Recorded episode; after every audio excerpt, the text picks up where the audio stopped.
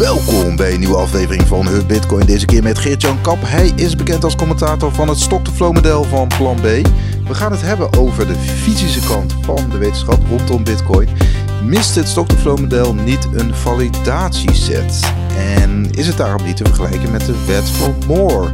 Nou, meer van dit soort interessante vragen gaan we met uh, Geert-Jan Kap bespreken.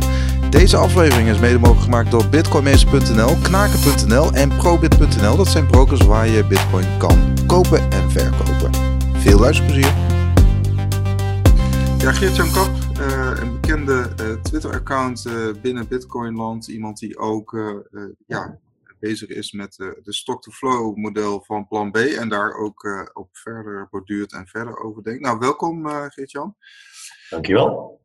Uh, ja, laten we toch even beginnen met een uh, korte introductie. Uh, wie, wie is Geert-Jan Kap? En ja, wat is je achtergrond? ja, dankjewel Wessel voor deze podcast, deze mogelijkheid. Hartstikke leuk.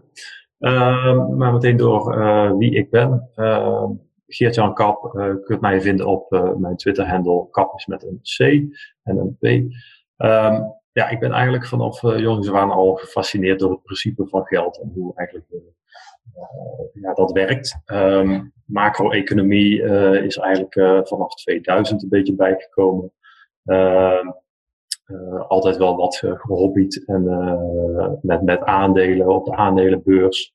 Ook daar mijn, mijn eerste verliezen wel gemaakt natuurlijk. Hè, want als je jaar of 18 bent, dan weet je ook niet precies hoe het allemaal uh, en zelt. Um, studie uh, uh, exacte wetenschap op de universiteit. Ik heb ook een PhD gedaan. En daar heb ik eigenlijk geleerd om, ja, als je iets niet helemaal te begrijpt, om dan gewoon door te touwen totdat je het wel begrijpt. Um, en dat had gewoon uh, te maken eigenlijk met, uh, ja, met, met, je opleiding uh, al daar. Um, als je daar een tentamen maakte dan, en je had het niet helemaal goed door, dan had je al snel een drie of een vier. Dus, dus dat is eigenlijk mijn, mijn achtergrond. Oké. Oké, nou ik klinkt interessant. Dus je, je achtergrond is inderdaad eh, exacte wetenschappen. Hè? Dus je kunt uh, exact en logisch nadenken. Dat is uh, altijd wel. Uh... En wanneer ben je in, in aanraking gekomen met, met Bitcoin? Hè? Want ja, we zijn alweer ruim elf jaar verder dat Bitcoin bestaat.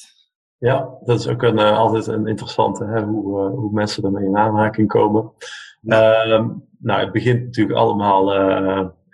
ja, ik ben eigenlijk een oude millennial, dus ik heb met volle bewustzijn de financiële crisis in 2008, 2009 meegemaakt. Uh, nou ja, RTL Z volgde ik al een tijdje en ik weet gewoon de legendarische optredens van uh, Willem Middelkoop destijds nog als, uh, als gewoon ja, journalist bij RTL Z. Ehm, die gewoon monologen hield over het failliet van het financiële systeem. En later natuurlijk op eigen titel. Um, dus ja, 2009 was wel echt uh, een, een, van enorme invloed uh, op, op het denken over, uh, over geld. moral hazard, too big to fail. Nou ja, iedereen weet wel een beetje waar het toen over ging. Um, via Willem Middelkoop en, en toen ook al Twitter Jim Rickards leren kennen. Dat is iemand eigenlijk een goldbug. Hè? ja. ja Assignyats uh, ontdekt. Hè. Dat is eigenlijk een beetje de historie van de, de Franse hyperinflatie van het einde van de 18e eeuw. En op een gegeven moment kwam Jim Rickards een keer op uh, bezoek bij Max Keizer. Oh ja. uh, een hilarische, hilarische journalist natuurlijk. Ja, ja, en het is een beetje neurderig natuurlijk, maar als je wat in de financiële ja, uh, financiële journalistiek uh, uh, leest en hoort, dan, dan is, dat best wel heel erg grappig. Um, en ja, toen kwam daar op een gegeven moment kwam daar het woord Bitcoin, zoals Max Keizer het zo mooi zegt, Bitcoin kwam naar boven. En um, ja, Julian Assange is natuurlijk ook een goede, dat, dat was in die tijd natuurlijk ook een ja, er was ook veelvuldig in het nieuws. En, uh, en zo is dat een beetje gekomen. Dus een beetje rond 2013, iets in die trant. Ja. Toen, toen heb je ook je eerste bitcoin gekocht? Of, uh... Uh, nee, daar heb ik, ik heb natuurlijk alles verkocht. Hè, dat snap je wel. dus je hebt nooit genoeg bitcoin. Dus, um, ik heb... Ja, daarbij heb ik eigenlijk vanaf, vanaf toen heb ik Bitcoin actief gevolgd. Dus, ja, enorm gefascineerd doordat het natuurlijk een alternatief systeem zou kunnen zijn voor het huidige monetaire stelsel. Ik heb natuurlijk Jim Rickards en al de andere goldbugs. ja, dat is toch al een aantal jaar waar je dan ook door gefascineerd bent. Hmm. Ja, dan zie je toch al snel van wauw, dit is echt een potentieel een, een trendbreker, een, een alternatief. En uh, ja, zo uh, met de, ja, in 2013, 14, 15 had je uh, micropayments, remittances, hè, dus dat experts in het buitenland geld terugsturen. Mount Cox, Litecoin ehm, en op een gegeven moment Ethereum natuurlijk. Um, halvings, ja, enorm fascinerend. Altijd gebeurde er wel wat. Ja, ook de miners, met, met natuurlijk steeds, steeds snellere miners die geïntroduceerd werden, maar ook daarmee de scams. Dus ja, echt een enorm fascinerende tijd. Ja, tot en met eigenlijk 2017. En ja, toen is denk ik ja, heel veel luisteraars en heel veel lezers van jullie magazine. vanaf 2017 weet iedereen wel ongeveer wat er is gebeurd. Ja, precies. Dus, dus, en, en hoe zie je, want uh, Bitcoin heeft natuurlijk verschillende fasen doorgemaakt. Uh, het was eerst een proof of concept, later natuurlijk ook een betaalmiddel. Het, zal, het is ook bedoeld hè, als een peer-to-peer decentrale cash. Um, je, ziet, nou, je ziet nu dat het narratief zich meer ehm, is verschoven naar asset, hè? Naar een asset-klasse, een nieuwe asset-klasse. Ja. hoe, hoe zie jij dat? Uh, ja, dat is al, um, dat is denk ik wel, uh, dat, ik denk dat de, uh, de narratives, dat die, dat die langzaam maar zeker wel ook volwassen worden. Um, en je ziet dat, dat ook met de forks, dat ja, het echt concurreren met Visa of met Ideal of met pinnen. Ja, het zou natuurlijk nog kunnen hè, met Lightning Network. Ik denk persoonlijk dat, dat dat je daar eigenlijk geen uh, disruptive potential hebt. Uh, weet je, het, het, is al zo efficiënt met, uh, met pinnen en met digitale transacties en met, met creditcards eventueel. Ook al is in Amerika zijn die fees natuurlijk enorm. Ehm, maar ik denk dat je daar niet een, een enorme potentie hebt om, om mensen voor je te winnen, zijn de bitcoin. Dus dat zit echt in, in de, inderdaad in de asset, asset class. En dat je dus um, dat je een, uh, eigenlijk een, een, verzekering hebt in Bitcoin met ook zijn eigen risico's. Dat natuurlijk wel. Uh, tegen eventuele inflatie, tegen vertrouwensverlies in een, in een munt. Uh, maar ook tegen het probleem dat je geld niet kunt importeren. Hè? Dus expats, maar niet per se expats zoals met de remittances, maar ook expats die, die gewoon in, in het buitenland werken uh, die Nederlanders zijn, ja, die hebben echt wel een probleem op dit moment met, uh, uh, met het aanhouden van bankaccounts. Zelfs bankrekeningen voor hun kinderen openen is gewoon een probleem. En daar is Bitcoin denk ik een, een gat in de markt. En dat zal het wel even blijven. Ja, dus, dus het, de mogelijkheid om zelf uh, een Bitcoin wallet aan te maken en daarop je Bitcoin te ontvangen in plaats van een bankrekening. Ja. Dat, dat, dat is eigenlijk de, de, de innovatie. Ja, en dan met een enorme, uh, met een enorm accent op uh, dat het dus een, uh, een, supply cap heeft. En een, daarbij ehm, een geprogrammeerde supply per dag. ja. Dus de, de, de flow, de zogenaamde flow in, in het stock-to-flow model.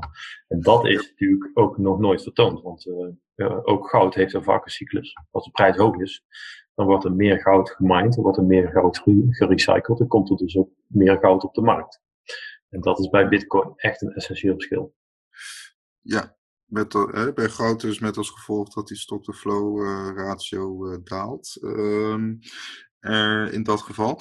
Maar laten we, daar, daar komen we uitgebreid later op terug. Uh, als we kijken naar het uh, nieuws van, van dit jaar. Sommigen zeggen toch dat MicroStrategy, dat dat het nieuws is. een beursgenoteerd bedrijf in Amerika. Het is een grote, volgens mij, ja, een leverancier van clouddiensten. die 250 miljoen dollar aan Bitcoin heeft gekocht. dat op hun balans zet. Is dat, is dat een game changer? ja, zeker. Dat is ehm, de, voor, misschien wel de eerste, het eerste grote beursgenoteerde bedrijf. Ik denk het wel, die dat doet. Ja, dat is zoals Plan B het noemt, Phase 5. Hè? Dus hmm. dat is echt een game changer. Um, het is um, ja, 250 miljoen is ook een gigantisch bedrag. Het is niet zomaar 100.000 eh, euro of dollar, maar gewoon hm. meteen een gigantisch bedrag. Uh, ja, het geeft de potentie weer. Hè, als je dus dan ook uitrekent hoeveel flow dat is. Ja, dat is, uh, volgens mij is het uh, enkele maanden aan, aan productie, aan bitcoin productie, die zij in één klap opzuigen uit de markt. Um, ja, dat is, dat is echt wel een game changer. Um, dat is ja, misschien wel het nieuws van, van de eerste helft of de eerste drie kwart jaar van 2020, eh, buiten natuurlijk de heffing. Ja, ja precies, precies. Er komen elke dag uh, na de helving nu 900 nieuwe verse bitcoin uh, bij per dag. Um, je noemt ook nog wel uh, Fidelity, wat met een bitcoin fonds komt. En natuurlijk het nieuws dat Kazachstan iets van ruim ja, bijna 800 miljoen aan nieuwe investeringen wil aantrekken om nieuwe mining facilities te, te, of juist een aandeel te nemen in bestaande mining facilities. Ja, ja. en Fidelity heeft inderdaad dus 8300 miljard in beheer, als ik goed geïnformeerd ben. Um, ja, dus ik kan me voorstellen dat die, eh, dat die ook redelijk uh, eenvoudig uh, 250 miljoen uh, kunnen aantrekken van institutionele investeerders. Dus dat is, maar goed, dat is nog niet gerealiseerd. En MicroStrategy heeft het natuurlijk al gedaan. Um, dus ja, dat is, uh, dat is wel echt groot. Ja. Met betrekking tot de halving is het natuurlijk echt wel interessant om even te noemen. heel die mining-industrie is gewoon nu al goed voor 6,8 miljard dollar per jaar voor de halving. nu een omzetdaling natuurlijk van 50% zou je kunnen noemen. Waarbij er alweer een flinke stijging in de koers is. Um, maar ja, dat laat wel ook zien hoe groot die industrie is. Hè? En het is, het, is, geen handel, nee, het is echt productie. Dus enorme toegevoegde waarde. Um, uh, ja, er zijn, uh, er zijn niet zoveel bedrijven die zoveel miljard per jaar omzet doen. Ook al worden we natuurlijk doodgegooid met Facebook, Google en Amazon. Maar zoveel bedrijven zijn er niet in de wereld die, die dat soort getallen laten zien. Dus dat is echt groot. Ja, je bent, uh, je bent zelf ook uh, actief in de ma Nederlandse maakindustrie. Is, is dit iets wat, wat, wat je zelf ook zou overwegen om, om dan een uh, datacenter aan te leggen? Of is dat in het buitenland bijvoorbeeld? Of om, om te investeren juist in zo'n miningcenter in Kazachstan? Want die hebben natuurlijk goedkope energie. Ja, dat is een interessante. Ja, daar heb ik nog, nog te weinig over nagedacht om daar nu iets over te, kunnen zeggen. Ja. Ik denk dat het een enorme uh, risicosector is. Uh, dat is het eerste wat er in me opkomt. Ehm, en als, als je dan als ehm, investeerder eh, wil investeren, dan denk ik dat het, tenzij echt in de, in de chipsector werkt, dat het het handigste is om gewoon als MicroStrategy te handelen. Gewoon een verzekering kopen, zijn de harde bitcoins. Ja. Misschien even een stukje uh, speculatie. Uh, verwacht je ook dat, dat er in Nederland een eh, beursgenoteerd bedrijf deze stap gaat wagen? Uh, of, of op wat voor termijn verwacht je dat? dat is een hele goede vraag. Ehm, ik denk dat je dan in Nederland denk dat we daar nog niet aan toe zijn. Ehm, hier is ook met de de regulering is, uh, is het nog niet helemaal duidelijk. Uh, ik denk dat de, dat de, de Amerikaanse bedrijven um, toch wel vooruitstrevender zijn over het algemeen uh, met dit soort uh, assets en asset planning. Mm. Uh, en volgens mij hebben wij ook niet zoveel bedrijven die, ehm, die zo 250 miljoen op de plank hebben liggen. Dus ik denk dat er in Nederland eerder uh, een uh, dividenduitkering zou, zou komen. Ja. Okay. Bij Nederlandse beursgenoteerde bedrijven. Maar goed, ook dat is, zoals je zei, speculatie. ja, ja. Nou, laten, laten we inderdaad even de stap wagen aan, het is al genoemd, het stock-to-flow model. Het is uh, maart 2019 door Plan B geïntroduceerd. Hè? modeling Bitcoin with scarcity. Eigenlijk het, het beprijzen van, of het kwantificeren van schaarste van, van Bitcoin. toen dat artikel net uitkwam, hoe, wat was jouw reactie daarop? Ja, eye-opener. Ehm, hm. Echt heel mooi een heel mooi model. Ehm, echt zo eentje die je misschien één of twee keer voorbij ziet komen op Twitter. En pas de derde keer erop klikt en dan denk je van wauw. Ehm, ehm, ik had volgens mij het boek van uh, Amoes al, van Seyfedin Amoes.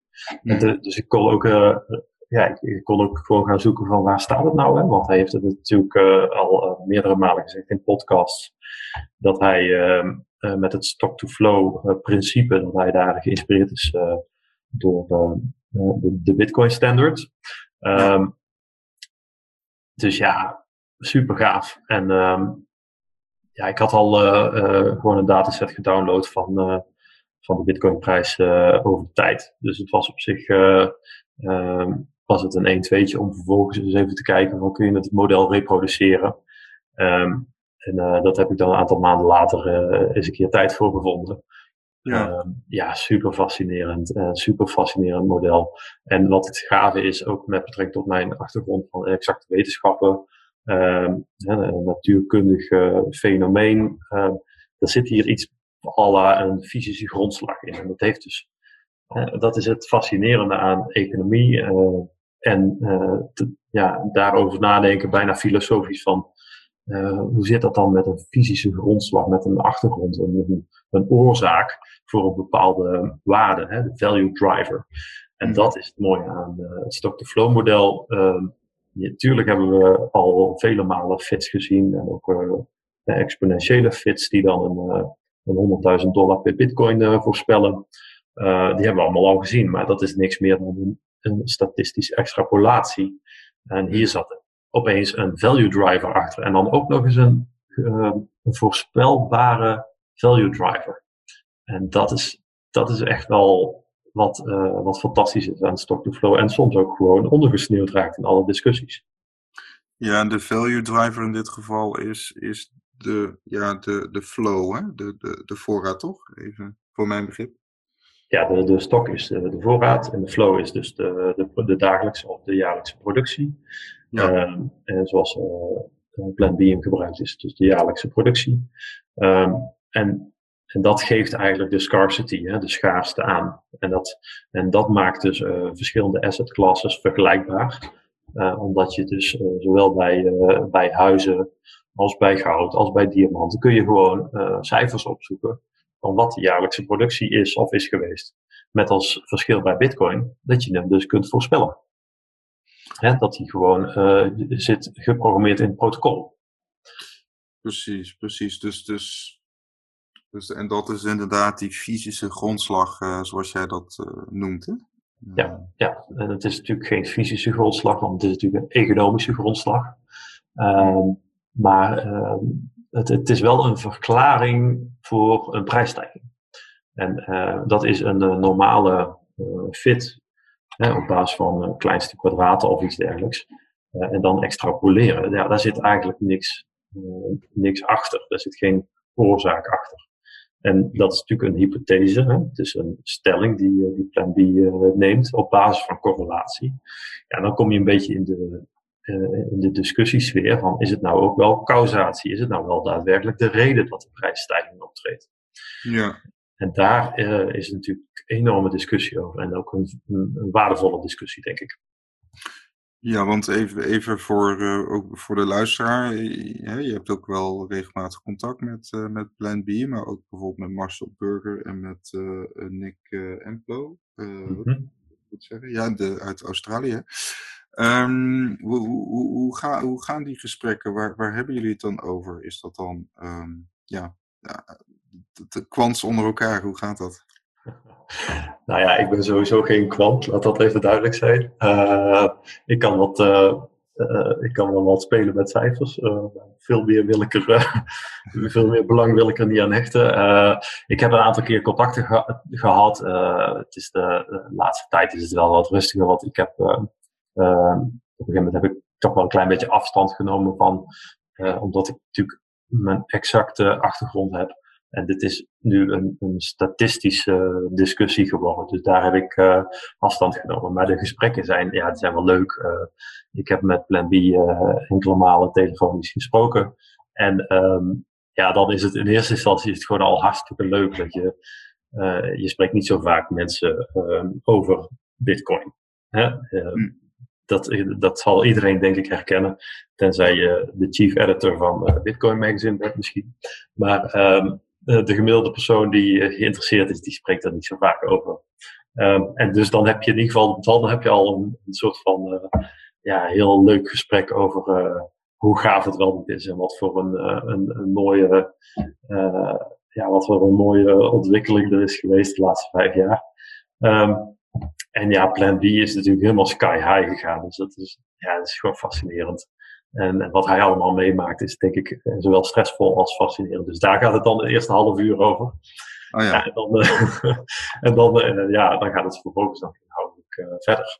Dus um, wat, wat wel goed is om te zeggen, denk ik, hè, mm.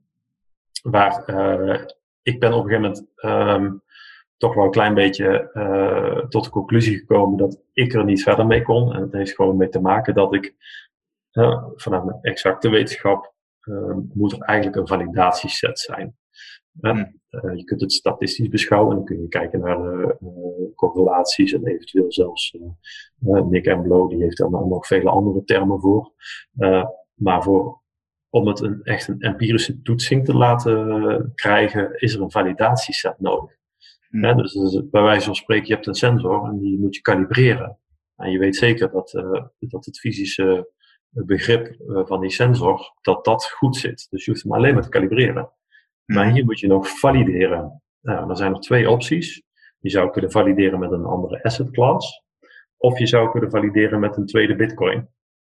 Uh, maar je moet eigenlijk een, een onafhankelijke dataset hebben. En dat is het hele moeilijke. Die bestaat niet. Goud is een andere asset class. Er zit industrieel gebruik uh, bij. dus het wordt gewoon gebruikt in chips, het wordt gebruikt uh, in zonnepanelen, in, in, mobiele telefoons. Um, Het heeft een varkenscyclus, hè, dus als de prijs hoog is, wordt de productie hoger. crasht de prijs, dan, dan sluiten veel mijnen. En dat heeft Bitcoin niet. Dus ze zijn ook niet te, één op één te vergelijken. En de nee. tweede Bitcoin is al helemaal onmogelijk om uh, te ontwikkelen. Uh, ja, want ik zie het niet gebeuren dat iemand nog eens een keer um, een tweede bitcoin ontwikkelt en dan uh, anoniem blijft en dat decentraal voor elkaar krijgt. Uh, nee. Zonder hele andere eigenschappen. Ja, dus eigenlijk zeg je, want we hebben plan B ook uh, naar aanleiding van kritiek van Marcel Burger eerder dit jaar ook uh, plan B om een reactie gevraagd. Hij zegt inderdaad, nou ja, de, de, de, er, is, er, is nou een, er is een bewezen correlatie tussen uh, schaarste en, en, en, en, prijs. Um, maar goed, dat, dat, dat begeeft zich dus in de statistiek en niet zozeer in de exacte wetenschap waar je het nu over hebt. Ja, ja ik heb, dat, dat, ik heb daar eigenlijk ja, ik heb ook samen met Plan B geprobeerd om, om, om daar dus uh, verder in te komen. En uh, dat is wel een beetje de heilige graal natuurlijk. Uh, als je, en dan kom je eigenlijk een beetje naar de stock-to-flow cross-asset model. Mm, het tweede model, wat hij ja, dit heeft gepubliceerd. Ja. ja, en daar, daar zie je dus eigenlijk dat je um, dat je daar cross-asset gaat kijken, maar ja, dan Ehm, dan, kom, dan kom je eigenlijk weer terug bij het validatieset-principe. Dus hij heeft daar een validatieset proberen aan te tonen, waarbij ik zeg van, uh, ja, die essentiële eigenschappen van die andere assets, die kun je eigenlijk, die moet je eigenlijk in het model meenemen. En het is heel onlogisch om die niet mee te nemen. Um, en uh, een voorbeeld in de huizenmarkt heb je gewoon yield. Hè? Je hebt huur. Je kunt een huis kun je verhuren. Ja. ja. Um, hetzelfde met bedrijven. Heb je een waardering op basis van EBITDA of winst.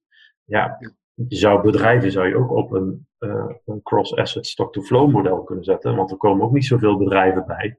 Maar de waardering van bedrijven in EBITDA of in discounted cashflow, um, ja, die zijn in mijn ogen zijn die niet, uh, niet te negeren.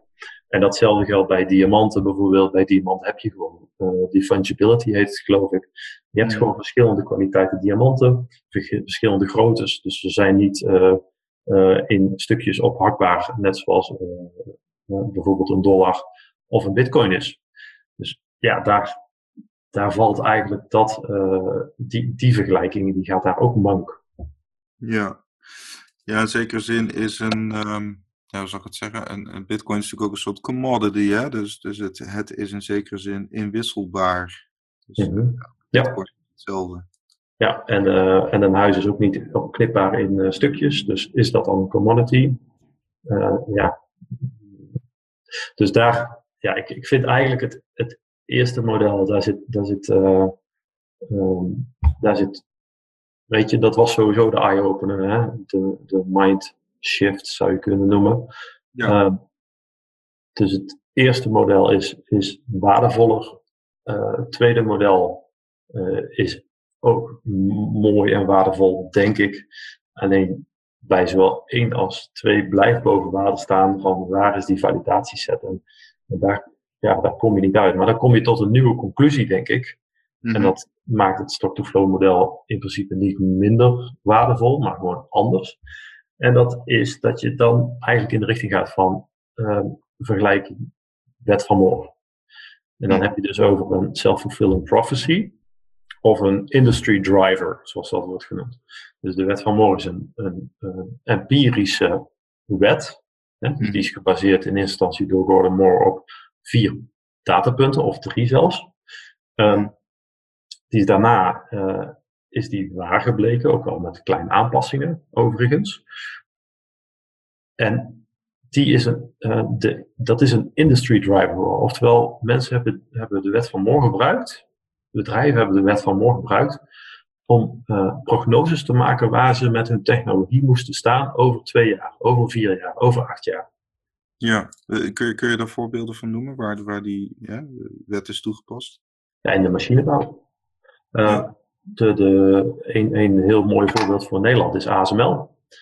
Hm. Die hebben ook in hun, uh, uh, in hun missie staan van wij, gaan, wij, wij zijn het bedrijf dat de wet van Moore enabled. Ja. Dus wat zij doen is zij, zij maken een roadmap tien jaar vooruit. Daar, zit, daar zit gewoon een team op die overlegt met Samsung, Intel, dat soort bedrijven. En zij zij proberen uh, op basis van de wet van Moore proberen zij oplossingen te bedenken voor bottlenecks die in de industrie bestaan, om die uh, aan de kant te krijgen, door, misschien wel door technologieontwikkeling bij ASML, of misschien wel door samenwerking met Intel, Samsung, TSMC, dat soort bedrijven. Ja. Om dus de volgende chip-technologie mogelijk te maken. En dat is dus in samenwerking met de gehele industrie. En de chipindustrie weet donders goed dat als zij de wet van Moore blijven, uh, blijven hanteren, dat zij een groeiende industrie hebben met verhoogde rentabiliteit. Nou, Ja. dat, is, dat is natuurlijk de heilige graal binnen de hè, bedrijvensector. Ja, misschien toch even een zijstapje maken, want er is op dit moment zijn er de, de 5 nanometer chips, hè, begreep ik, van TSMC. Eh, en die worden natuurlijk ook gebruikt in de miners van, ehm, van onder andere Bitmain of eh, MicroBT. Zie je daar nog een, een ontwikkeling in, in die, in die chips die in, ehm, in Bitcoin miners zitten? Want op de duur heb je natuurlijk een bepaalde eindigheid van de, ja, van de wiskunde, denk ik, qua chips. Eh, ja eh, en nee. De wet van Moore is in de laatste 30 jaar ongeveer eh, 300 keer doodverklaard. Dat is een, ook een mooie analogie naar Bitcoin natuurlijk. Eh, Ja. En niemand weet wanneer de, de wet van Moore eh, stopt. En, en ook daar zit een mooie parallel met het stock-to-flow model. Eh, er is al, eh, al tien jaar discussie of de wet van Moore niet al eh, ge- hè, dus, dus in het water is gevallen of gestopt is. Ja. Um, maar er zijn natuurlijk uh, datapunten hè, van, van CPU's en van, van andere soorten chips. En die datapunten die kun je op de exponentiële grafiek plotten van de wet van Moore. En het probleem een beetje met het logaritmische karakter van exponentiële groei is. in in zo'n grafiek maakt de factor 2 verschil maakt eigenlijk niet zoveel uit. Dat zie je ook bij het stock-to-flow model. Er zijn, er zijn stock-to-flow modellen die 50k uh, per bitcoin voorspellen. En er zijn stock-to-flow modellen, ook van Plan B zelfs, uh, die 200k uh, voorspellen. Er zit een factor 4 verschil in. Dat is gigantisch. Um, dus dat, dat, uh, dat is een beetje de moeilijkheid. En is de wet van Moore dood? Ehm, ja, is moeilijk te, in te schatten. Wat wel heel mooi is, dat Tuurt Meester, die heeft drie jaar geleden al een, of vier jaar geleden een artikel op Twitter gezet. Uh, waarbij hij zegt het is een commoditization van de, van de miningindustrie. En dat, dat, ik denk dat dat is waar we naartoe gaan. Uh, ik geloof de S9 die is ook al drie, vier, vijf jaar in gebruik. Mm. Um, dus dus de, uh, de materialen, de machines, de, de miners, ik denk dat die steeds langer gaan worden gebruikt. Waarbij je ook een decentralisatie krijgt van de Bitcoin mining industrie. Want dan is het gewoon zoeken naar de laagste energieprijzen. En de miners zelf, ja, die verschillen niet zo vreselijk veel meer van elkaar. Ja, dus de, de, de, hoe zou ik het zeggen, de reks zitten met name in waar vinden we de goedkoopste energie of waar is inderdaad een surplus overschot aan energie. Ja, ja. En, en die laatste is ook enorm interessant voor de olieindustrie. Want daar gaat de vraag natuurlijk toch wel een klein beetje of steeds meer dalen. Dus op het moment dat die dus uh, daar inspringen, en daar zijn al ontwikkelingen in. Steve Barber is ook, uh, die, heeft een, die heeft een bedrijf in, uh, in die richting van de natural gas flares. En die maakt dus gebruik van de natural gas flares om bitcoin te minen. Dat is fantastisch natuurlijk. Ja, we zien ook uh, Noorwegen, hè, die ook al uh, instapt uh, via een bedrijf Equanor, die, ja. die inderdaad energie omzet in, in Bitcoin. Um, dan toch maar even weer terug naar, het, naar de, de wereld van statistiek en de exacte wetenschap. Want misschien toch, eigenlijk zeg je model 1 is op dit moment een beter werkbaar model dan model 2 van plan B. Terwijl volgens mij model 2 is echt bedoeld vanuit hem van nou, ik ga daar zoveel mogelijk assets toevoegen om tot een betere vergelijkingsset te komen. Um, is dat, is dat, is dat de, de, de way to go? Is dat, is dat verstandig? moeilijk te zeggen. het nadeel van, de, van het eerste model, dat heeft Plan B ook heel helder uitgelegd, is dat er dus het tijds, tijdsfactor in zit. Uh, Die haalt hij eigenlijk de facto eruit met, uh, met het uh, tweede model, dus dat is goed. maar nogmaals, ja, die, die validatieset, daar, daar zit denk ik de, de problematiek. Ja. De, validatie, maar, maar misschien moeten we ook niet willen dat het een, een model wordt op basis van exacte wetenschap. Misschien is dat gewoon te veel gevraagd. Een validatieset is denk ik gewoon onmogelijk voor nu. Ehm, en ja, daar moet het denk ik bij blijven. Uh, wat je, ja, ik, ik, ik, denk dat je dus het stock-to-flow cross-asset model, dat er um, te veel discutabele uh, datapunten in ontstaan. En dat, zijn, dat is elke asset. Elke keer als je er één toevoegt, vind ik eigenlijk dat het ietsje zwakker wordt. Daar zijn ook uh, overigens statistische uh, formules voor. Hoeveel hoe meer datapunten je toevoegt, hoe meer je gaat richting overfitting. Dus, maar dat is even een zij, zijspoor. Komt er, komt er gewoon op neer, goud, zilver, real estate, diamanten, die, die hebben gewoon een aantal andere intrinsieke eigenschappen die, die dus niet valideerbaar zijn met bitcoin. Daar komt het op neer. Ja, ze zijn, ze zijn in essentie anders dan bitcoin. En daardoor is het, kun je, kun je de, het stop-to-flow principe kun je in mijn ogen niet bewijzen en ook niet falsificeren. Door, door, omdat het gewoon verschillende entiteiten zijn, verschillende asset classes. Um, en, en stock-to-flow is maar één van de eigenschappen. En zoals ik al zei, bij, bij huizen is een essentiële eigenschap dat het yield oplevert, huur, hè, bij panden, bij, bij real estate eigenlijk. En bij goud heb je industrieel gebruik. Ja, dat kun je niet negeren in mijn ogen. Ehm, maar goed, nogmaals, ik denk dat het, het stock-to-flow principe niet per se waardeloos maakt. maar, maar zie het dan meer als vergelijkbaar met de wet van Moore. En daar zit een stuk self-fulfilling prophecy in. En ik denk dat het ook goed is dat de, de hele Bitcoin-industrie, dat die dus een, een roadmap heeft, heeft. En die roadmap heeft, heet in principe stock-to-flow. Zou, zo zou je het kunnen omschrijven. Waarbij dus de miners kunnen zien van, hé, hey, er is een hele goede kans dat over uh, anderhalf jaar dat de prijs uh, tussen de 50 en de 200k ligt. En op basis, op basis daarvan kunnen investeren. En dan krijg je een beetje het principe van roadmapping zoals bij de wet van Moore. Ja, de, de, denk je dat zelf ook, dat, dat dus een prijs uh, per stuk van tussen de 50 en 200.000 dollar uh, mogelijk is? Ja. ik, ik zou het niet weten. Het is, nee. ik, ik denk dat het mogelijk is. Maar er is ook heel goed mogelijk dat, het, dat er een soort diminishing returns model ontstaat. Waarbij de, de, de, exponentiële groei die het heeft gekend, dat die steeds een beetje kleiner wordt.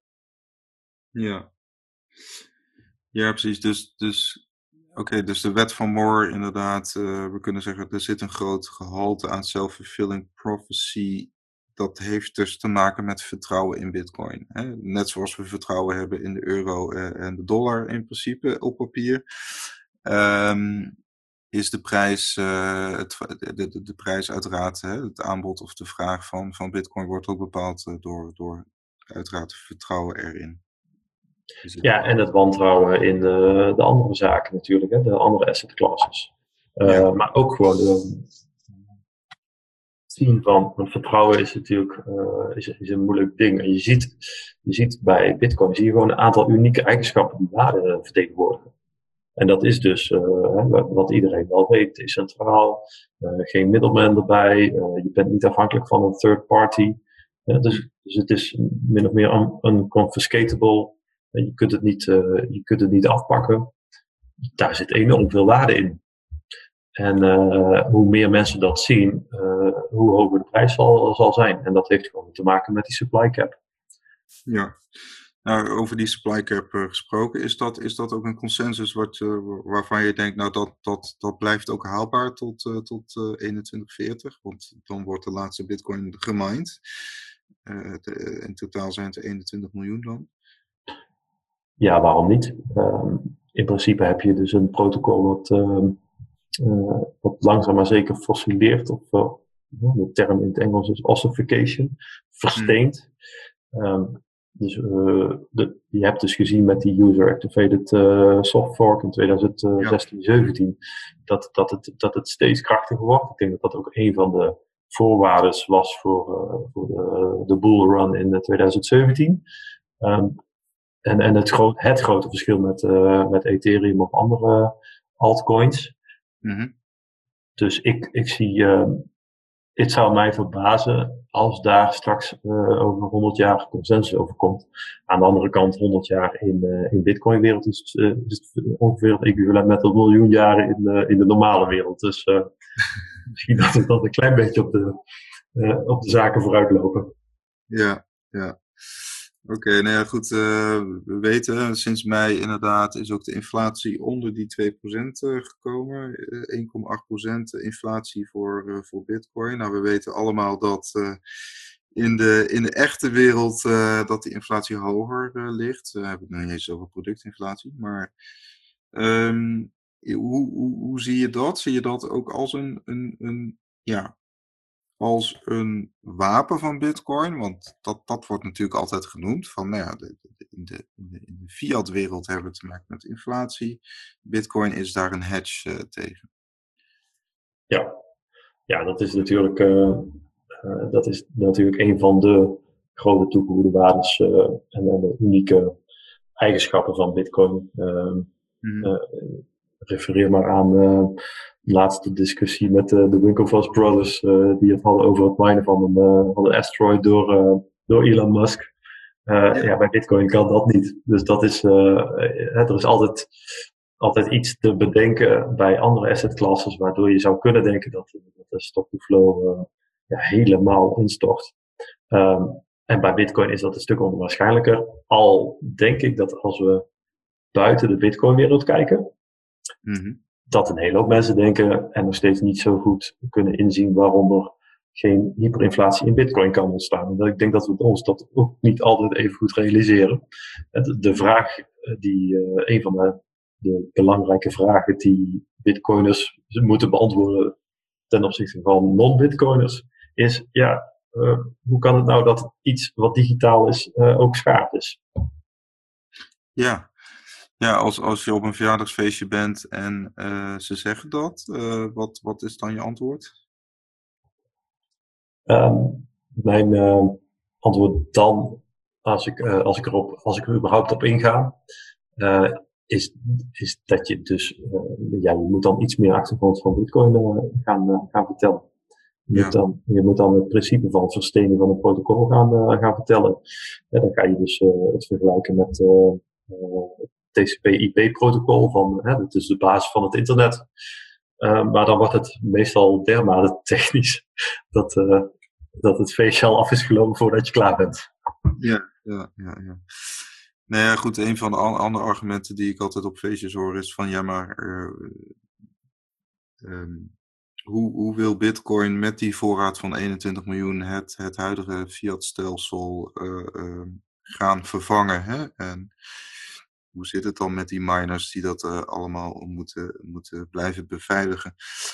Zie, zie je dat ook zo, dat, dat Bitcoin die een, een substituut is voor het huidige fiat geldstelsel? Of, of zit het hem toch meer in ja, de functie die goud heeft? Namelijk, de, ja goed, het, is nou eenmaal fiat geld en, en, en, en bitcoin is daar een hedge tegen. Ja, eh, de centrale banken, dan kom je eigenlijk een beetje in, de, in het uh, verhaal van centrale banken, monetary theory, modern monetary theory zelfs. Ja. Uh, deflatie, bankencrisissen, uh, dan moet je eigenlijk een klein stukje teruggaan. Dan moet je, dan moet je eigenlijk gaan kijken van wat hebben centrale banken nou ge, gerealiseerd in de laatste 100 jaar door überhaupt te bestaan. Lender of last resort. Uh, dan moet je denk ik ook even onderkennen dat, dat er in die tijd voor de centrale banken, vooral in Amerika, want Amerika was een van de laatste in de in de westerse wereld, uh, veel meer gevallen waren van bankencrisis. Dus eind uh, eh, 19e eeuw had je vijf bankencrisissen in Amerika in 30 jaar. Nou. En die, die elke keer, keer op keer weer een depressie op, en paniek. En mensen die al hun spaargeld kwijt waren omdat er een bankrun was. Mm. En dat is denk ik ook de nuance die ik heel graag wil geven naar Bitcoin. Dus van, ik denk, ik ben eigenlijk naar een hele hoop literatuur uh, lezen, ben ik wel tot de conclusie gekomen dat centrale banken wel echt heel goed werk doen. Um, als je kijkt voor, voor de centrale bank in de VS waren er veel meer bankencrisissen. Maar er was ook veel meer deflatie, maar ook veel meer inflatie. Dus de uitslagen van hè, inflatie en deflatie waren vele malen groter. Uh, het was natuurlijk ook een andere tijd, dus het is ook weer moeilijk uh, valideren met hè, de, de welbekende validatieset. Omdat er gewoon, hè, de tijd was anders. Hè. Er was veel, meer, uh, veel minder industrie, meer, meer agrarische, hè, meer landbouwindustrie. Uh, en, en geen, geen grote dienstensector, dus het is ook moeilijk vergelijkbaar. Mm -hmm. Maar de conclusie, als je echt puur kijkt naar hoeveel minder systeemcrisissen er zijn geweest na de introductie van de centrale bank, ja, dan, dan is de conclusie volgens mij redelijk duidelijk dat de centrale bank hartstikke goed werk doet. Dat doet niks af aan het feit dat de inflatie die het creëert, dat die dus perverse uh, effecten creëert, dus zij-effecten. En daar is Bitcoin denk ik goed voor. Je hebt, een optie uh, om makkelijker bescherming aan te schaffen tegen de zij-effecten van ons monetaire stelsel. Um, en daarbij aantekenend dat de hele modern monetary theory um, geen rekening houdt met althans, zover ben ik nog niet in, het, in mijn literatuurstudie zou je kunnen zeggen, met het mm. verlies van vertrouwen in de munt. En dat is natuurlijk ook moeilijk. Waar vergelijk je het mee? Hè? Stel nou de dollar gaat vallen, zoals Willem, Willem Middelkoop zegt. Ja. Dan gaat de, de World Reserve Currency gaat vallen. Ja, dat, dat is echt nog niet zo vaak vertoond in de wereld. Dus daar, dat scenario is gewoon enorm moeilijk uh, uh, te voorspellen of, of, of, uh, of daar een, een, voorstelling van te maken. Als je dan gaat kijken naar wat Bitcoin dan kan, Bitcoin um, de World Reserve Currency worden. Het lijkt me, ja, het lijkt me enorm bijzonder als dat zou gaan gebeuren. het zou een een anker kunnen worden in het monetaire stelsel. Mhm. Dat is dan de best case scenario. Um, maar dan denk ik dat er nog steeds een plek is voor goud. En dan denk ik dat er nog steeds een plek is voor, voor andere assets. Uh, op basis waarvan het nieuwe monetaire stelsel zal worden gevoerd. Ja, ja dus, dus we zien nu wat, wat plan B ook fase 5 noemt. Hè? Dus dat, dat bedrijven en ook wel uh, staten zoals uh, Noorwegen en Kazachstan zeggen van nou ja goed, wij, wij, wij, wij willen Bitcoin of we willen in ieder geval Bitcoin productie in handen gaan nemen. Het is inderdaad nog een stap verder of, of, of dat ook centrale banken en overheden ehm, die supranationale overheden die stap gaan zetten natuurlijk. Ja, en dan, en dan nog, hè, dus stel nou ehm, in een supermooie, hè, voor, voor de Bitcoin-wereld een supermooi geval dat dat een centrale bank 1% van zijn balance sheet gaat vullen met, uh, met bitcoin. Mhm. Dat wil nog niet zeggen dat het dan een monetair anker is geworden. Daar moet nog wel echt wel uh, iets meer voor gebeuren. Ja, ja. Precies. Nou goed, dat is ook dat monetaire mandje van de IMF, hè, waar we het nu over hebben. Uh, waar wel al de Chinese munt is aan toegevoegd. Ja. Uh, ja, dat, dat, uh, dat niet naartoe behoort. Ja, Jim Ricketts heeft dat ook, uh, ook al in 2011 of zo geschreven. Um, Willem Middelkoop refereerde ook naar die SDR's. En zo, daarop zou het, zou het uit kunnen komen. Goed, maar concluderend uh, eigenlijk zeg nou ja, uh, kijk, bitcoin is natuurlijk een soort genesis voor centrale banken, maar uh, laten we even terug naar de realiteit gaan. zover, zo, dat is op papier, in theorie is dat een leuke these, maar in de praktijk is, dat, is dat nog een heel andere koek. Ja. Wat misschien ook nog leuk is om te zeggen, is uh, over heel die inflatiediscussie, want ook daar uh, is de laatste tijd uh, op Twitter best wel wat om te doen. Ja. de narrative Bitcoin fixes this. inflatie, inkomensongelijkheid wordt vaak gekoppeld aan, aan het monetaire stelsel, aan de US dollar. dan heb je het ook over zaken als het Triffin dilemma. Maar waar ook wel vaak aan voorbij wordt gegaan, is dat er gewoon ook een principe is als een nivellering. Dus inkomensongelijkheid in Europa en dan vooral continental Europe, dus uh, ex-UK. Uh, mm -hmm. daar is de inkomensongelijkheid gewoon een stuk, vele malen lager dan, dan in Amerika. Um, dan heb je ook wel in Nederland en in Europa heb je ook inkomensongelijkheid. je hebt ook dat de inflatie hoger is geweest dan de loonontwikkeling. Maar dat heeft ook gewoon te maken met simpele zaken als globalisering en technologie technologie werkt drukkend op de lonen, uh, omdat er dus uh, ja, een, een, een, automatiseringsslag wordt gemaakt. Dus ja, mensen zijn niet meer nodig, moeten worden omgeschoold. Dat, dat werkt gewoon drukkend op de lonen en salarissen in, in Nederland en Europa en Amerika. Maar ook globalisering, want iedereen weet dat je in China het, hè, dat je tegenwoordig heel veel uit China importeert. Maar ook machines. Wij, wij als machinebouwer in Nederland wij hebben al, eh, al twintig jaar een gigantische prijsdruk. En daardoor kunnen wij ook de lonen niet mee laten stijgen met zoals we het graag ook zouden willen voor onze werknemers. Ja. Um, en dan kan het dus gebeuren dat de inflatie dus inderdaad hoger is dan, uh, dan de lonen. En dan krijg je dus een probleem met inflatie en een probleem met inkomensongelijkheid.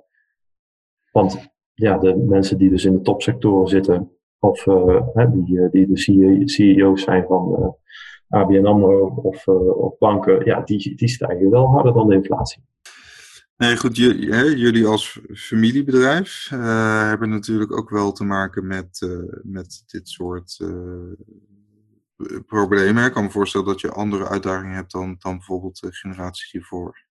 Ja, zeker. Ja. Dus, dus de, de, de, de, tijden die voor, voor Nederland, die zijn gewoon ook totaal anders dan in de jaren 70. Er wordt ook vaak gerefereerd hè, aan het loslaten van de van de goudstandaard uh, in Amerika.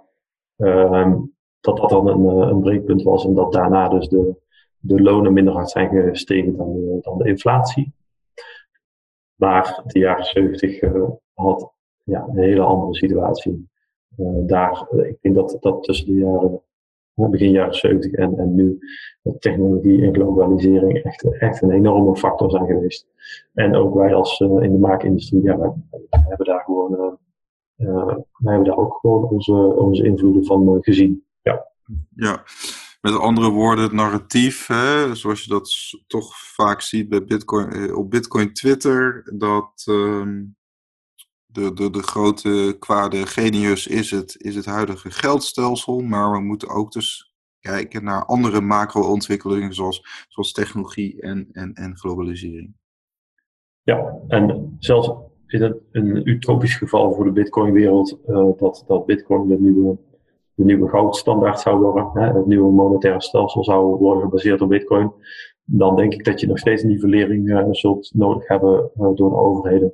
Dan zul je nog steeds door, een overheid moeten hebben die, die opkomt voor de zwakkeren in de, in de samenleving. Ja, dus in die zin. Um maar dan gaan we een beetje kort door de bocht. Uh, het, het, de, de utopie van, van libertariërs, uh, zoals met name natuurlijk in, de, in, de, in Amerika te vinden is, uh, een zo, zo klein mogelijke overheid. Het, het is maar de vraag of dat bijvoorbeeld in continentaal Europa haalbaar is. maar ja. goed, dan komen we misschien een beetje in een politiek, politiek vaarwater. Ja, nou ja, goed, eh, Bitcoin wordt ook vaak uh, uh, vermengd met politiek uh, op de verschillende, door de verschillende Twitteraars. want Twitter blijft natuurlijk ook wel een beetje het medium voor, om, om een beetje op de hoogte te blijven met trekt op Bitcoin. Ja. En daar wordt heel veel politiek, ja, politieke tinten aan Bitcoin gegeven. Ik, denk dat die twee gewoon volledig te scheiden zijn. het is een fantastische technologie. Het is een, uh, een fantastische nieuwe vorm van geld. Maar Bitcoin doesn't fix everything. Nee, nee oké. Nou, misschien uh, werkt het toch uh, wat onnuchterend tussen alle hopium door. Um, laten, we, laten we nog een paar dingen bespreken, Geert-Jan. Um, iets wat natuurlijk ook heel vaak genoemd wordt, is het Cotillon-effect.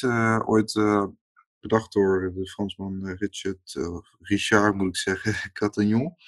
Of Catillon. Um, en dat gaat natuurlijk over, en dat, dat, dat appelleert natuurlijk wel heel erg bij bitcoiners, dat ja, het, het idee dat bepaalde partijen gewoon dichter bij de geldkraan zitten. Dan hebben we het ook weer over centrale overheden en centrale banken. Die als eerste die euro en die dollar kunnen gebruiken. Uh, en pas onderaan de streep uh, de particulieren die een hypotheek moeten aanvragen en die daar een bepaalde rente voor betalen of een bepaalde lening als bedrijf, die daar ook weer een bepaalde uh, rente voor moeten betalen, et cetera. Hoe, hoe, kijk je daar tegenaan? Ja, dit, speelt, uh, dit speelt zeker in mijn ogen. De aandeelhouders van bedrijven private equity of beursgenoteerd. Uh, de CEO's van, van bedrijven, hoe dichter je bij het geld zit, hoe makkelijker, hoe makkelijker het is om, uh, om een stuk van de, van de taart als eerste op te eten. dat zien we ook bijvoorbeeld met de corona-steunpakketten. Hè? Dat, ja. Ja, Of bijvoorbeeld het groeifonds wat onlangs is aangekondigd. Nou, daar hebben ze toch een minimale, uh, minimale cap van, van 3 miljoen bijvoorbeeld. dus een, project moet al een bepaalde grootte hebben, wil het een aanmerking komen voor, voor zo'n fonds. Ja, en, en dan ook wel even een klein beetje terug naar de politiek. ik denk dat Nederland het met de NOW-maatregelen voor, voor het MKB super heeft gedaan. Hm. Um, in Amerika is het op een andere manier gedaan. Um, durf niet zoveel te zeggen hoe dat, uh, hoe dat dan bedrijfsmatig en bedrijfseconomisch daar um, nu gaat. Maar je ziet gewoon, er zijn allerlei, uh, allerlei perverse prikkels ontstaan. Dat, was, dat, dat verbaast me af en toe wel. Het principe van perverse prikkel in 2009 was dat echt een buzzword in de, in de journalistiek, in de media. Uh, in Amerika heette dat moral hazard. Nou, dat is zo vaak genoemd. Um, op het moment dat je, dat je een coronacrisis hebt, dan lijkt het wel alsof dat helemaal niet meer bestaat. En um, Royal Dutch Shell, die krijgt wel gewoon een, uh, een uh, obligatie die wordt opgekocht door de Europese Centrale Bank. Um, nou, het is redelijk simpel. Ook in de goede tijden werd het al gedaan. Als je een beursgenoteerd bedrijf bent, in de goede tijden, je kent jezelf een optiepakket toe. Uh, vervolgens ga je schuld uitgeven. Uh, het wordt opgekocht door de centrale bank. Nou, met deze schuld kun je aandelen inkopen en je eigen bedrijf opstarten. Koers stijgt. Nou, met de opties heb je afgesproken dat als de koers boven een bepaalde waarde is gestegen, dat je dan mag cashen. Nou, dat is een redelijk, een redelijk simpel kasrondje zou je kunnen noemen. Wat eigenlijk gewoon direct het uh, cantillon effect uh, representeert. Maar zo zijn er zoveel andere, um, andere voorbeelden. Um, maar ik denk dat dat niet alleen bij de banken is en bij de centrale banken, maar ik denk dat dat, dat, echt ook in de top van, van alle, alle bedrijven uh, aan de hand is. En dan vooral de beursgenoteerde bedrijven, dit soort financial engineering gewoon aan de orde van de dag is. En daar, daar zou het wel kunnen dat Bitcoin daar wel een rol in heeft. Uh, mocht het ooit het monetaire anker worden. Uh, want het zou kunnen dat dat allemaal een stukje moeilijker wordt met een, hè, met een anker als Bitcoin. Ja, oké, dus Bitcoin kan dat misschien gaan fixen, maar dan trekt het misschien wel weer toch wel een behoorlijk grote broek aan natuurlijk. Want waarom zou een beursgenoteerd bedrijf die route kiezen? Als, als de route die nu gekozen wordt nog steeds legaal is. Ja, nou, ehm, waarom Bitcoin hier een rol in zou kunnen spelen, is heel veel van dit soort financial engineering komt wel voort uit de lage rente. En het zou kunnen zijn dat de, het rentewapen of het renteinstrument van de centrale bank gewoon mo moeilijker getrokken kan worden op het moment dat er, uh, dat er bitcoin als centraal, centrale bankvervanging zou kunnen worden. Maar dat is echt wel zeer discutabel, want er zijn ook tijden in, uh, in, uh, de 19e eeuw geweest dat je een goudstandaard had en dat er ook volop werd geleend. En dat er ook uh, financial engineering ontstond. Dat er ook speculatie was. Dat er ook mensen op die manier heel rijk zijn geworden door dicht bij het geld te zitten. Dus de, de mania's, die, die waren er ook in de tijd van de, van de goudstandaard. Dus ja, dus uh, ik, ik, ik, weet niet of het, uh, of het aan elkaar gekoppeld is en of Bitcoin daar iets kan fixen. Okay. Misschien wel, zullen we het zien. Hoe, hoe, kijk je in het algemeen aan tegen, tegen, tegen de economische situatie op dit moment vanwege de coronacrisis? Um, is dat, wat, wat verwacht je zo, hè, van, van, als je puur kijkt naar de financiële markt, zou ik het zo zeggen? Dus ja, dat, uh, aandelen, misschien, Bitcoin. Ja, precies. Als, als je het echt uh, even focust op Bitcoin, dan, um, dan denk ik dat, dat Bitcoin nu afhankelijk is van de Phase 5, zoals uh, Plan B het omschrijft. Dus echt de grote kapitaalkrachtige entiteiten. Dus dat, dat zouden dus de, de grote uh, bedrijven als MicroStrategy kunnen zijn. Ja, als daar meerdere bedrijven in het gat springen. Hedge funds, zo'n investeringsfonds als Fidelity, wat we toen straks hebben besproken. Maar ook voor hele rijke individuen, de high net worth individuals, zoals het zo mooi wordt genoemd in het Engels. Um, als die dus uh, toch een beetje kriebels uh, krijgen van, van al dat balance sheet exploderen van centrale banken, ja, weet je, dan, dan kan er zomaar weer 50 miljoen in, in de market cap van Bitcoin worden gestort. Um, dus dat, ik denk dat dat mede door corona uh, een extra vlucht krijgt. Uh, voor Bitcoin. En dat het andere deel uh, zou kunnen zijn dat, dat het gewoon de, de gestage groei die, die eigenlijk dagelijks uh, voortduurt. En want laten we eerlijk zijn, Bitcoin blijft gewoon doorgroeien. Uh, en dat zijn gewoon mensen, millennials waarschijnlijk, voor het overgrote deel, die steeds meer te besteden krijgen. Hè? Millennials komen nou in, de, in de tijd dat ze hun kapitaal gaan opbouwen. Ja. Daar is ook genoeg over geschreven. Uh, en, en dat is eigenlijk de, de massa die, uh, die eraan zit te komen, nog steeds. Ja, er kan op de duur een viraal effect misschien ontstaan natuurlijk, dat de millennials, dat zeg maar de kinderen van de babyboomers, de millennials, dat die uh, dus massaal gaan kiezen voor andere assets op hun spaarrekening. Ja, daar zijn al aanwijzingen voor. En daarbij aantekenend dat die millennials, die hebben allemaal de financiële crisis meegemaakt. In 2008, 2009. Die hebben allemaal uh, meegemaakt dat, hè, afhankelijk van hoeveel interesse je erin hebt, maar je hebt het allemaal wel meegemaakt uh, in bewustzijn. Dus als je je interesse daarop hebt gericht, dan, dan, en je denkt er wat over na, dan zie je dat het geldsysteem toch wel heel rare aspecten herbergt. Dat geld bijprinten toch echt wel aan de orde is nu. Um, en of het dan, uh, ook daar zijn discussies over, maar uiteindelijk zie je wel een balance sheet opgeblazen van de centrale bank. De mensen die daarin geïnteresseerd zijn, die, die snappen dat er iets niet helemaal lekker zit. En ja, dat, ik denk dat dat gewoon uh, voor Bitcoin enorm bullish is. Dat, uh, dat daardoor steeds meer Bitcoiners gaan, gaan ontstaan, om het zo maar even te zeggen. Ja, dus het scenario dat centrale banken dus blij, bij blijven drukken, dat is juist bullish voor Bitcoin, begrijp ik. De, op het moment, omdat dat leidt toch tot inflatie. Hoewel we ook wel weer berichten zien dat, dat er sprake is van deflatie. Dus ja, dat, dat grijpt eigenlijk weer terug naar uh, uh, waar we het toen straks hebben, over hebben gehad. Uh, dat de banken en de centrale banken eigenlijk heel goed zijn geslaagd in het voorkomen van van bankencrisissen.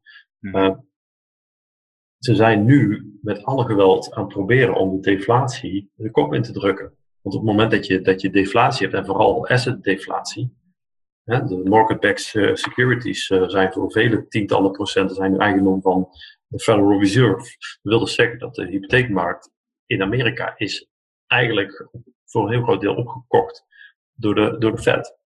Ja. Als ze dat niet hadden gedaan, was er een gigantische deflatie geweest. Dus er zijn inderdaad heel veel geluiden van ja, er komt helemaal geen inflatie. Het is, we zitten in een deflatoir systeem op dit moment. Nou, dat, ik denk dat dat klopt. En ik denk dat de centrale banken nu met alle geweld en met alle instrumenten die ze hebben, dat proberen te voorkomen. Want op het moment dat de, dat de, de hypotheken en de, en de asset class market-backed securities bijvoorbeeld, en dat dat soort um, financiële instrumenten veel minder waard worden, en dan krijg je afwaarderingen. En dan krijg je niet alleen afwaarderingen bij de banken, maar ook bij, bij de hedge funds. Dan krijg je weer een cascade-effect. En dat is nou precies waar de centrale bank voor is opgericht. Dus dat zijn ze nu aan het proberen. Dus het is in principe geen wonder dat er nu geen inflatie is. Nee, het is hartstikke goed dat er nu geen gigantische deflatie is. Ja, en dat het cascade-effect dat betekent, uh, dat zou in het ergste geval uh, kunnen leiden tot een depressie. Dus, uh... Maar je krijgt eerst een systeemcrisis. Dan krijg, je, dan krijg je dus de run on the bank. Mensen worden bang, want een bank staat op omvallen. En nou hebben wij hier in Nederland wel het, het sparen, hoe heet het ook alweer? Ja, Precies. Um, maar dan nog, mensen, je ziet echt in tijden van crisis, ook al is het dat uh, depositogarantiestelsel, uh, je ziet toch dat mensen het geld van de bank gaan halen. Ja. Het kan ook zijn dat, dat mensen gewoon meer dan een ton erop hebben staan. Ja, dan ga je toch je geld van de bank halen. En die cascade, die, ik denk dat die nu heel goed voorkomen wordt door de centrale banken. Um, maar ja, daar is het dus het perverse bijeffect is daar uh, niet van te ontkennen. Dat is dus dat, ja, dat de centrale banken heel veel via de, de normale banken heel veel assets naar zich toe trekken. En, en dat is wat ik net bedoelde, dat de millennials, uh, maar steeds meer mensen, dat die toch echt wel doorhebben van, ja, daar, daar, daar zit iets verkeerd. Hè, het is misschien goed dat ze het doen, maar er ontstaat wel een pervers bijeffect. En dat is het uh, opblazen van bubbels en uh, het socialiseren van alle losses. Ja, en het oppoppen van de prijzen natuurlijk, wat we, wat we zien. Uh, ja. Niet alleen huizen, maar ook andere producten. Ja. Dus dat, um, de vraag is natuurlijk hoe lang zich dat kan voortduren. Um, ook op het moment dat er een economische crisis natuurlijk ontstaat. Ja, ja dus dat, dat, dat wordt echt de uitdaging van de monetary, modern monetary theory. Van, uh, zijn we nu aan het eind, hè, we zitten nu in de negatieve rentes, zijn we nu aan het eind van de houdbaarheid van, van hoe de centrale banken het de laatste 50 jaar hebben gedaan, of de laatste 70 jaar dat is echt, dat, ja, dat gaat mijn bed boven. Dat, daar kan ik niks. Ik, ik denk wel dat, dat er direct een ander systeem moet ontstaan. En, uh, wat, wat, wat is direct? Ja, is dat over een jaar of is dat over tien jaar? Dat is echt, dat, dat, dat is fascinerend om, om te gaan meemaken. Dat wordt echt fascinerend, denk ik. Ja, nou, laten we tenslotte nog even over de risico's hebben van, van Bitcoin. Misschien Kijk, we hebben natuurlijk eh, technologische risico's, eh, marktrisico's wellicht, of een aantal.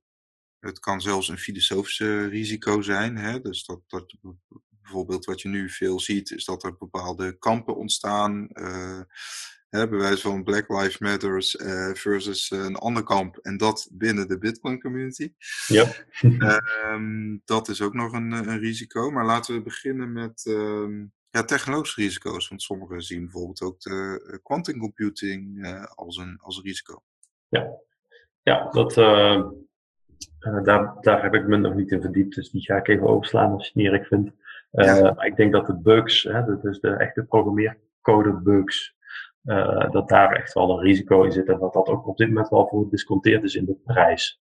Ja, dus dat de mensen, de, de mensen die niet in Bitcoin vertrouwen of die dat maar raar vinden, dat die eh, een aantal dingen eh, een groot risico vinden. En één is, ja, wie vertelt mij dat die code klopt? Twee is dat wie, wie vertelt mij nou dat er echt maar 21 miljoen worden geproduceerd? Ja, dat zijn dan de mensen die ook ja, niet het vertrouwen hebben in die verstening van, van het protocol. Mm -hmm. Dus dat zijn denk ik de, ja, de, de technologische risico's. er kan altijd nog een bug worden gevonden, een of andere critical bug. En hij is onlangs nog ontdekt. een jaartje of twee geleden, ergens in juni 2018. Dat is uh, woensdag pas bekend geworden. Um, ja, dat, dus dat toont maar aan uh, dat, dat daar wel een risico zit. En dat risico heb je natuurlijk niet met goud. Maar goed, goud heeft een ander risico. Uh, dus dan moet je bij wijze van spreken weer een, een heel ander validatiemechanisme voor bedenken, wat veel duurder is. En, ja, je hebt het risico op vervalsing. Bij, bij goud heb je vele malen hoger dan bij bitcoin natuurlijk. Ja. Dan heb je de nation-state attacks, hè? zoals dat zo mooi wordt genoemd. Ja, ja dat, ik denk dat dat wel... Rusland, die, Rusland die het miner wil verbieden. Ja, ja, of nog erger, dat is dat ze dus uh, gaan proberen om een uh, 50% of een 51% attack te, te creëren. Um, ja, ik denk dat dat al, al vele malen weerlegd is door, door mensen als Andreas Antonopoulos. Um, dan heb je de, ik denk dat wat, wat weinig wordt aangekaart, dat zou voor mij een, een bedreiging of een uitdaging kunnen zijn die misschien leuk is om te noemen. En dat is de volgende bubbel. Mm. Want, dus vergelijkbare hype zoals in 2017 ja, bedoeld. Dus als uh, Plan B uh, gelijk heeft en we gaan richting die 50k of 100k, maar 50k is denk ik al een gigantische, een gigantische bubbel of een gigantische bullrun, moet ik het eerder noemen. Mm -hmm. Dan, ga je, ja, dan gaat de hele Bitcoin weer op zijn grondvesten schudden. En, weet je, dan gaan de, de, de exchanges gaan weer een keer down. Hè? Dan hebben ze te weinig capaciteit om de, de, de inflows ja. te ontvangen. Um, je, alles gaat weer helemaal opgeschud worden. En dat is, uh, dus in, in die zin is het heel mooi. En het is natuurlijk het ultieme kapitalisme. Er is, niks, er is geen regulering van, van het Bitcoin-protocol, behalve het consensus-protocol. Maar er is dus ook geen regulering als er zo'n bubbel ontstaat. Hij is wereldwijd. Er is niemand die, die kan zeggen, nou jongens, we doen even alle exchanges uit. dat, dat is er niet. Dus, dus in die zin is het, is het heel mooi om, om dan gewoon echt een eruption te zien van, van activiteit en prijsexplosie. Um, maar ja, de, de, andere kant van de medaille zou ook zijn dat er gewoon heel veel financiële catastrofes zullen worden veroorzaakt. Ja, dat is met Mt. Gox geweest in 2013. Ja, het is in, in 2017 natuurlijk ook geweest met mensen die op de top hebben gekocht. Uh, die, die, hebben, die hebben geïnvesteerd in, in scams, exit scams. Dus dat is interessant, maar bovenal denk ik heel, heel eng voor de mensen die het dan zal betreffen. En ja, dat is, ja, dat, het moeilijke daaraan is ook, er is niemand die bescherming daaraan kan bieden, want het is een wereldwijd fenomeen. Bitcoin zit niet in een land. Nee, precies. Op het moment dat uh, je kapper begint over, uh, over bitcoin, dan moet je verkopen, zeggen ze wel eens. Ja. dus, uh, maar inderdaad, dus en, en, en bepaalde.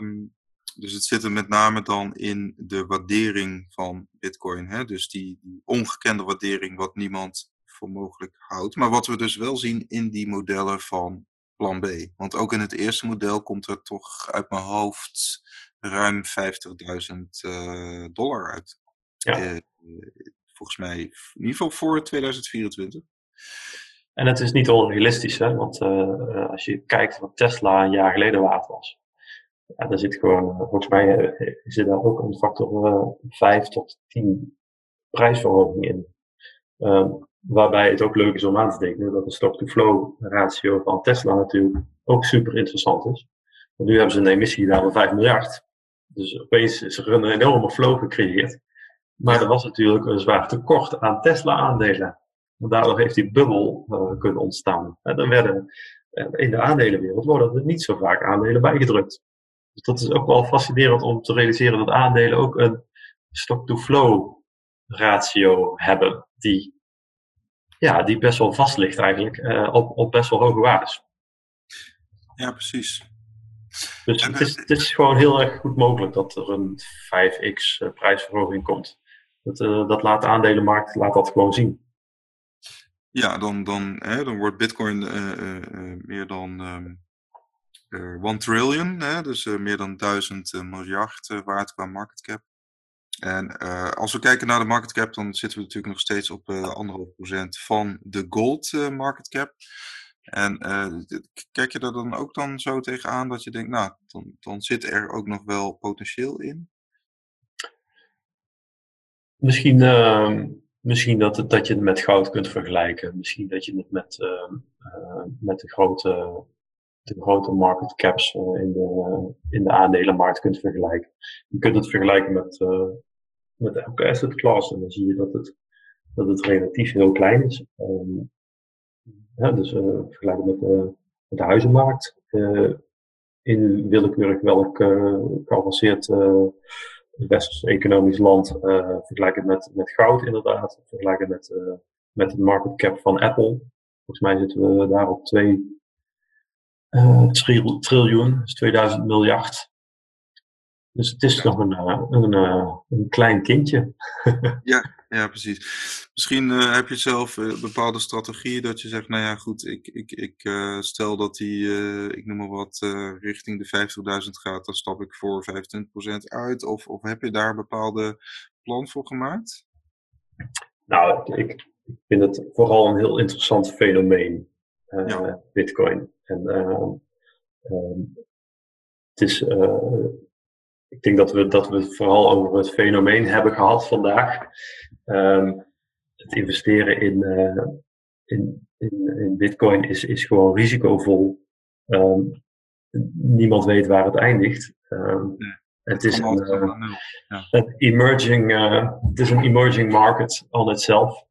Een emerging asset class. En ik, denk, ik zou wel iedereen adviseren om het, die ook maar enigszins financieel, economisch of technologisch geïnteresseerd is, om Bitcoin te volgen. Uh, maar dan vooral Bitcoin en niet, uh, niet de altcoins. Uh, want daar, daar is wel heel veel ontwikkeling in. Is ook wel fascinerend. maar ik zou, ik zou het eerst eens bestuderen. En ja, ik denk voor de overgrote meerderheid is dat al, al fascinerend genoeg. ehm, ja, investeringsstrategieën, daar, daar zou je iemand anders voor kunnen, voor kunnen spreken. Ja. daar houd ik, me, houd ik me graag buiten. Oké, nou uh, Geert-Jan, hartelijk dank hè, voor, uh, voor dit interview. Um, misschien kunnen we voorzichtig concluderen dat Bitcoin in deze fase op dit moment, uh, ja, het is natuurlijk een betaalmiddel voor, ja, voor, in principe kunnen we het als betaalmiddel gebruiken, maar het is ook vooral een assetklasse, een nieuwe assetklasse, waarvan we de impact ook weer niet moeten overschatten. Kan ik het zo samenvatten? Ja, en het is ehm, het, is een enorm, het heeft een enorm groeipotentieel. Dat is fascinerend. En het is vooral heel leuk. En het, uh, het, het uh, stelt ook de, de heilige huisjes ter discussie. En dat vind ik enorm interessant. En, uh, en het moet, ik denk dat het in die context moet worden gezien. Het stelt heel veel heilige huisjes ter discussie. En het, heeft, het maakt een enorme groei door. Dus het is gewoon enorm leuk om te volgen. Ja, en wat is het grootste heilige huisje dan? Zo daarmee? Ons monetair stelsel. Ja. Oké. Nou, dank. Uh, en uh, nou, uh, bedankt voor deze inzichten. En ja, dit was weer Hub Bitcoin met Geert-Jan Kap. volg hem op Twitter. Geert-Jan Kap, dus C-A-P op Twitter aan elkaar. En um, ja, je, je, je, post regelmatig hele interessante grafieken en inzichten. Dus dank daarvoor. Dankjewel Wessel voor being on the air with you. Oké. Okay. Dankjewel hè.